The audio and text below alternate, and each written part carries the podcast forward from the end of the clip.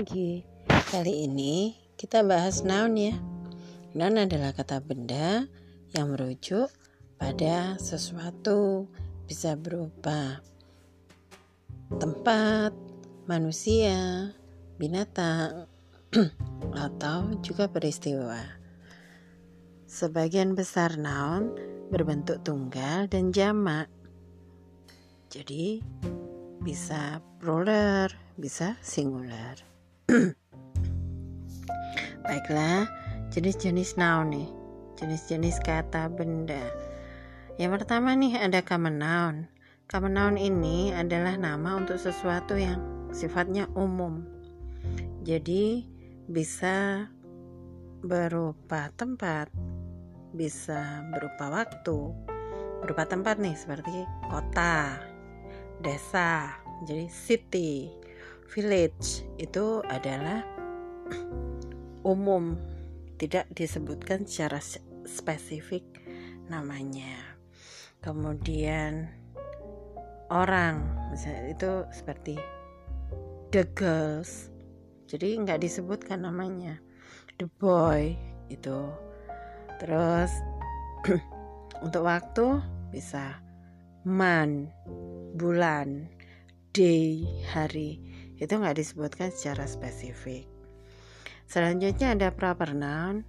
Nah, proper noun ini untuk menunjukkan nama secara spesifik orang bisa tempat bisa waktu juga Seba pada umumnya nih ini di dipakai huruf kapital di depannya. Jadi seperti nama orang nih. Kalau yang di common noun tadi hanya disebutkan the girl gitu aja kan. Tapi pada proper noun itu disebutkan Sita misalnya. Jadi S-nya ini nama orang Sita. Jadi S-nya pakai huruf kapital. Terus untuk waktu, kalau di common noun hanya disebutkan day, tapi pada proper noun ini disebutkan mulai bisa pakai Monday, Sunday, Tuesday, Wednesday, Friday, Saturday. Itu bisa disebutkan secara spesifik. Bisa juga untuk nama tempat. Itu kalau di common noun tadi hanya disebutkan sebagai city atau village atau country tapi pada proper noun disebutkan secara spesifik. Misalnya Ciberem. Nah, untuk nama desa ya.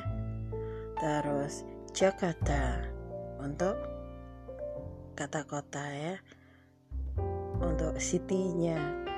Kemudian Indonesia for the country ya, untuk untuk negara itu untuk untuk tempatnya kemudian ada abstrak noun. Abstrak noun ini adalah kata benda untuk sesuatu yang nggak bisa dilihat karena tidak memiliki keberadaan secara fisik. Jadi uh, lebih cenderung uh, gimana ya? Kita merasakan tapi nggak bisa dipegang gitu ya nggak bisa dilihat. Cuma merasakan aja. Contohnya nih kayak Hanes. Hanes itu jujur ya kita bisa merasakan oh iya orang ini bisa dipercaya Hanes this guy Hanes kemudian childhood kekanak-kanakan. Itu kita bisa merasakan tapi nggak bisa dipegang. Kemudian time waktu. Waktu ini kita merasakan eh tahu-tahu udah malam tahu-tahu udah pagi gitu ya. Tapi mungkin kita bisa terbantu dengan melihat jam di tangan atau di ponsel kita atau di jam dinding. Tapi kita nggak bisa memegang waktu. Kemudian kebalikan dari abstract noun ini ada concrete noun. Concrete noun ini adalah kata benda yang real. Secara fisik ini bisa dipegang.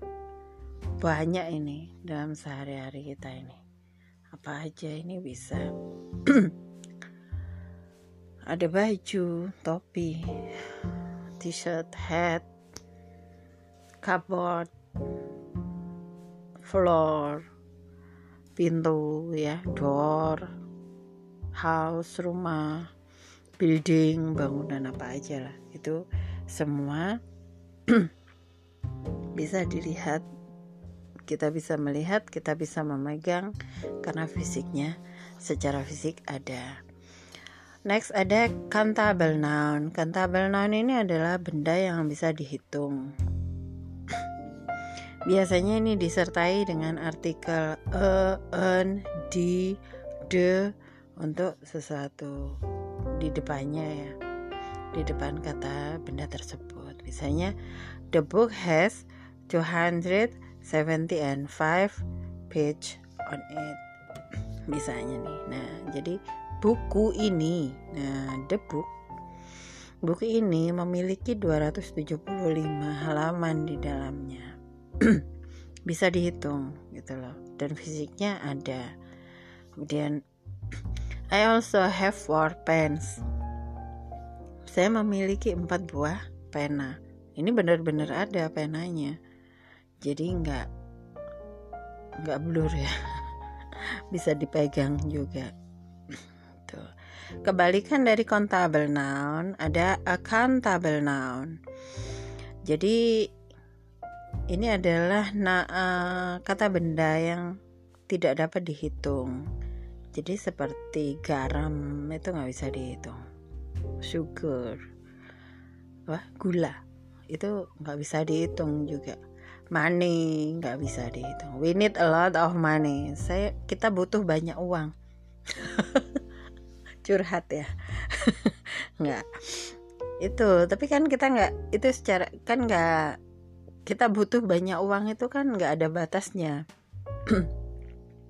Jadi 100 juta banyak satu juta banyak juga. Tapi kalau nggak ada memang sepuluh ribu banyak seribu pun banyak ya. We need a lot of money.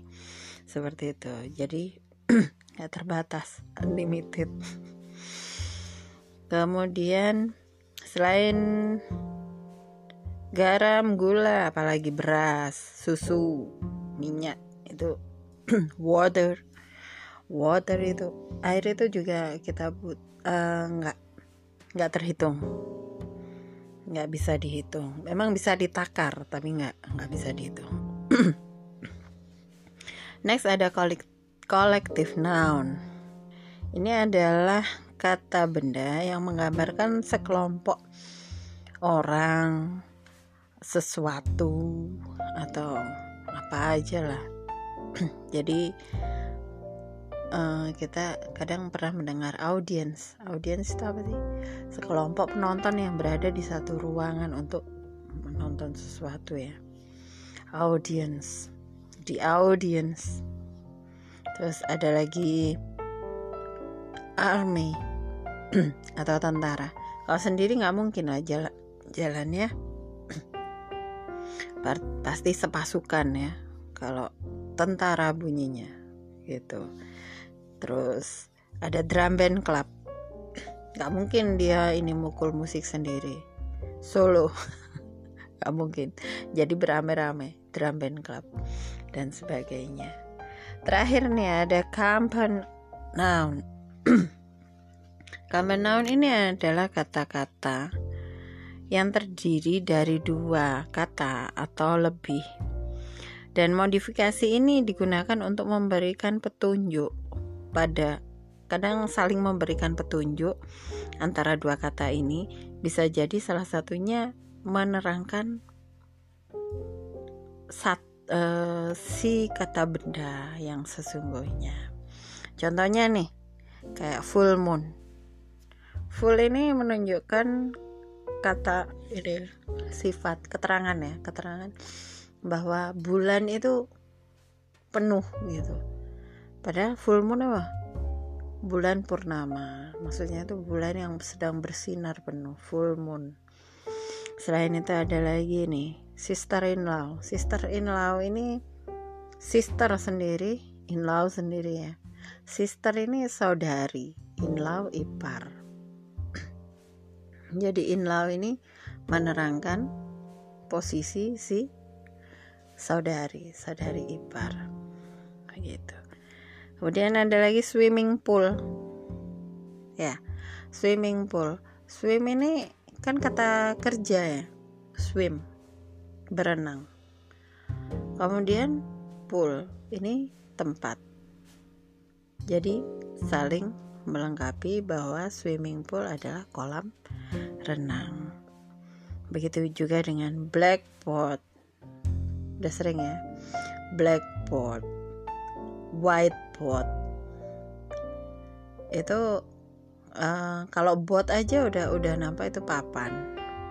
Kemudian black itu warna black atau or white itu warna. Tapi akhirnya jadi apa? Akhirnya jadi artinya papan tulis gitu. Itu jadi saling menerangkan satu sama lain baiklah ini tadi macam-macam bentuk kata benda atau noun dalam bahasa Inggris. Semoga bermanfaat. See ya. Sampai ketemu lagi.